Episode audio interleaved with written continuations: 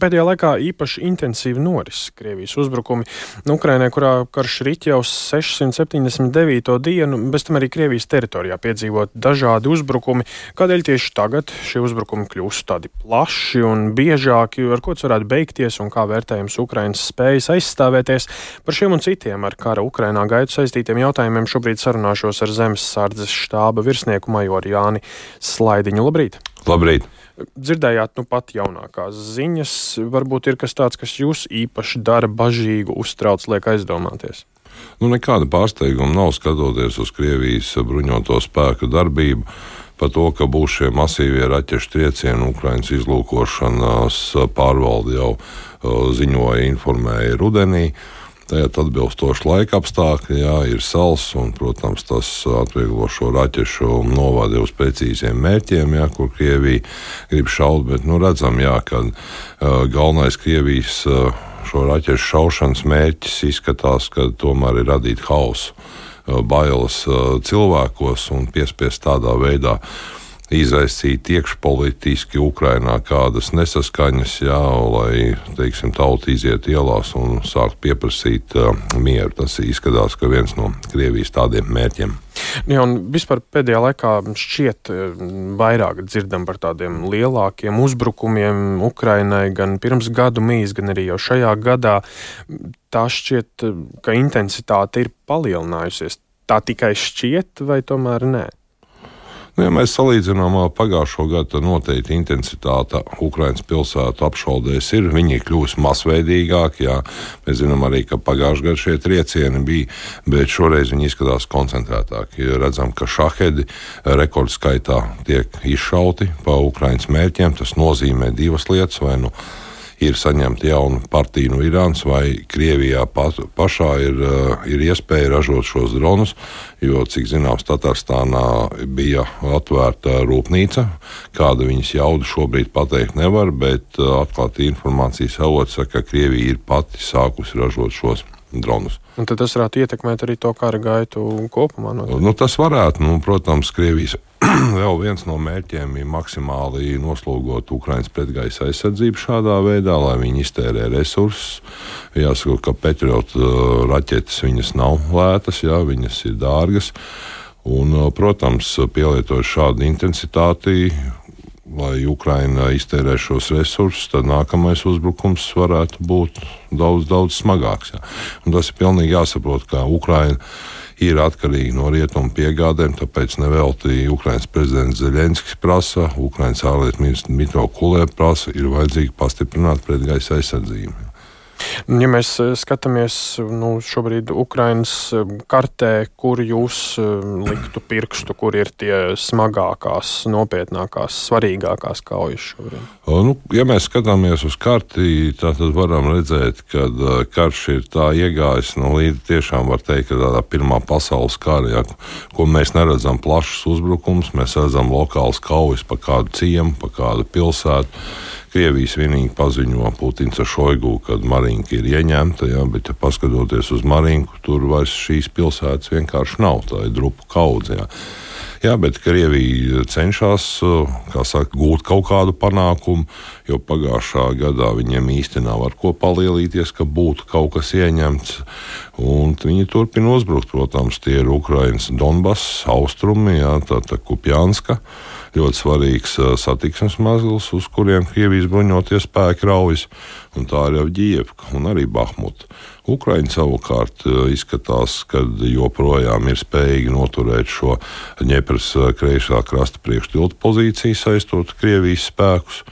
Nu, man jau liekas, ka arī turpmāk Ukraiņa liks uzsvaru uz dienvidiem, un tur būs tas kaujas smaguma punkts no Ukraiņu puses. Bet uh, austrumos nemainīsies nekas, jo Krievijai noteikti vajag gūt kādu panākumu. Šobrīd Avģievka tā varētu būt tas, kas viņus varbūt ceļš pārnos. Jo uzbrukuma temps ir pietiekami augsts. Nerēķinoties ar zaudējumiem, bieži vien pārņem tādas domas, kas viņus dzen uz priekšu. Jā. Izskatās, ka tikai vienīgi politiskā griba. Pērn bija ziņas, ka Krievija ziemu augsto laiku izmanto nu, īpaši nežēlīgi uzbrūkot Ukrainas energoinfrastruktūrai, vai arī šogad redzam tāda nu, īpaša taktika? Jā, ir ziņas par šo energoinfrastruktūru, bet, ja salīdzinām ar pagājušo gadu, Ukraiņi vairs nesniedz informāciju, kur ir trāpīts. Tādā var noprast, jā, kad ir palikuši jā, apdzīvotie rajoni kādā pilsētā bez elektrības. Bet uh, to nevar salīdzināt, kā bija pagājušajā gadā, kad trāpījumi bija redzams, kur dega, kā mēģināja salabot. Šo, šobrīd Ukraiņi pieturās pie tādas taktikas, ka pēc iespējas mazāk šī informācija nonāk uz ārā. Nu, ja mēs lūkojamies par tām Krievijas uzbrukuma spējām, nu jūs minējāt šo šahedu dronus un iespējamo arī to ražošanu Krievijā, bet kā, ja mēs lūkojamies no Ukrainas pretstāvis puses, tās iespējas un spējas šobrīd salīdzinot, liekot uz sarkausiem? Nu, redzam, ka šobrīd šo karu var nosaukt par dronu karu. Jā, Tātad droni spēlē ļoti milzīgu lomu kara darbībā. Tas ir gan visos kaujas sektoros, gan arī, protams, dodot triecienus ārpus Ukraiņas teritorijā. Jā. Jā, nu, pēc pieejamās informācijas Ukraiņi ir spējuši radīt paši savus triecienu dronus. Tātad izpētīts arī ir šahets, šis Irāna, Irāns. Un, var saprast, ka Ukrāņi ir atraduši iespēju, kā viņus ražot, tādu analogu šim šahediem. Un tur ir vēl daudz un dažādas veida šie tipi bezpilota lidaparātu, nu, kas, protams, būtiski stiprinās Ukrainas aizsardzības spējas un ne tikai arī uzbrukumu, protams. Nu, par ko liecina nesenie tādi nu, gan apjomīgie, tā var teikt, uzbrukumi arī Krievijas teritorijā? Tas ir pilnīgi normāli, jo jādara. Es jau daudz pagājušajā gadā teicu, un arī daudz citu militārie speciālisti. Krieviem jāsaprot, ka arī viņi ir mērķis, jā, tātad objekti Krievijā. Jā. Un kamēr viņi to nesapratīs, ka karš ir ienācis viņu teritorijā, tur domāšana nemainīsies. Bet tas strādā šobrīd, jūsuprāt? Tas... Nu, iedzīvotāji, protams, varbūt šo skarto pilsētu iedzīvotāju pārdomā dzīvi, bet vai pie vadībā tas kaut ko maina? Nē, militārā politiskā vadībā tas to neko nemaina. Protams, Krievija uz šādiem gadījumiem reaģēja nu, diezgan, teiksim, nu, tas ir pilnīgi saprotami, kad sāpīgi uzreiz ir pretatbildes kaut kāda darbība. Jā. Bet uh, nu, karš ir karš, jā. Nu, protams, šie militārie objekti ap Ukrajinu, ja mēs runājam par Belgorodas uh, kursu, kas viņi pietiekami daudz, tur ir lidlauka, tur ir rūpniecības. Un Ukraiņa skaidri definējusi savus mēģinājumus dot triecienus jā, tieši un tīri tikai pa militāriem objektiem un ar teroristu metodēm viņi nekaros. Nu, es domāju, to pietiek no Ukraiņas, kā viņi definējuši šo.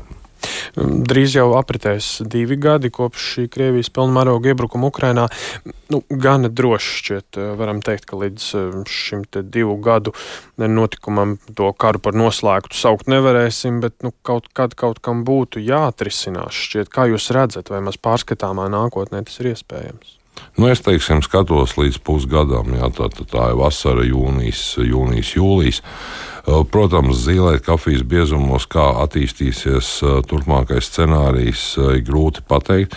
Skaidrs, ka bez rietumu atbalsta Ukrainai būtu ļoti grūti. Jā kā saka, noturēt šo fronti, kur nu vēl uzbrukt. Jā. Bet man ir tāda pārliecība, ka Ukraiņas ģenerālštābam un ģenerālim Zelužnijam ir kāds kārts, ko izspēlēt. Līdz vasarai. Līdz vasarai, jā. Kur tas būs?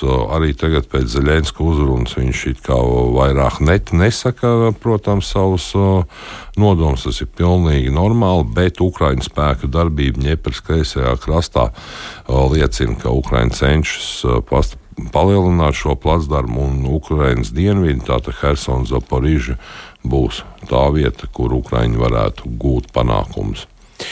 Kā jūs eh, novērtētu šobrīd eh, sabiedroto atbalstu Ukraiņai? Protams, visu laiku tiek runāts, ka tas ir viens no atslēgām, lai vispār šis karš tiktu uzvarēts. Kā jūs to vērtējat? Nu, skaidrs, ka šobrīd tas ir karš par resursiem. Ukraiņa mēģina ražot arī munīciju, kā saka, savā teritorijā, bet katra kara diena prasa milzīgus resursus, gan munīcijas, gan arī finanšu ziņā. Jā.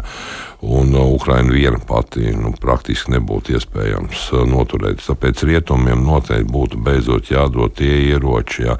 Uh, daudz apkārt runā, jā, Krievija tur uzbruks NATO, mums jābūt gataviem 5, 7 gadu laikā. Jāsaprot, protams, ka Krievija izies no šī kara novājināta. Jā un viņi nebūs spējīgi. Bet uh, jādod Ukraiņai šobrīd ir šie ieroči, lai Ukraiņi ar rietumu ieročiem padarīt šo Krievijas bruņoto spēku lāci vēl vājāku. Bet nu, jā, šie biedi saistībā ar Krievijas iespējām uzbrukt NATO um, izskan, kā arī jūs minējāt. Tad šobrīd nu, tas ir reāli tādā pārskatāmā nākotnē. Nu, šobrīd nu, nereāli jau nav nekas.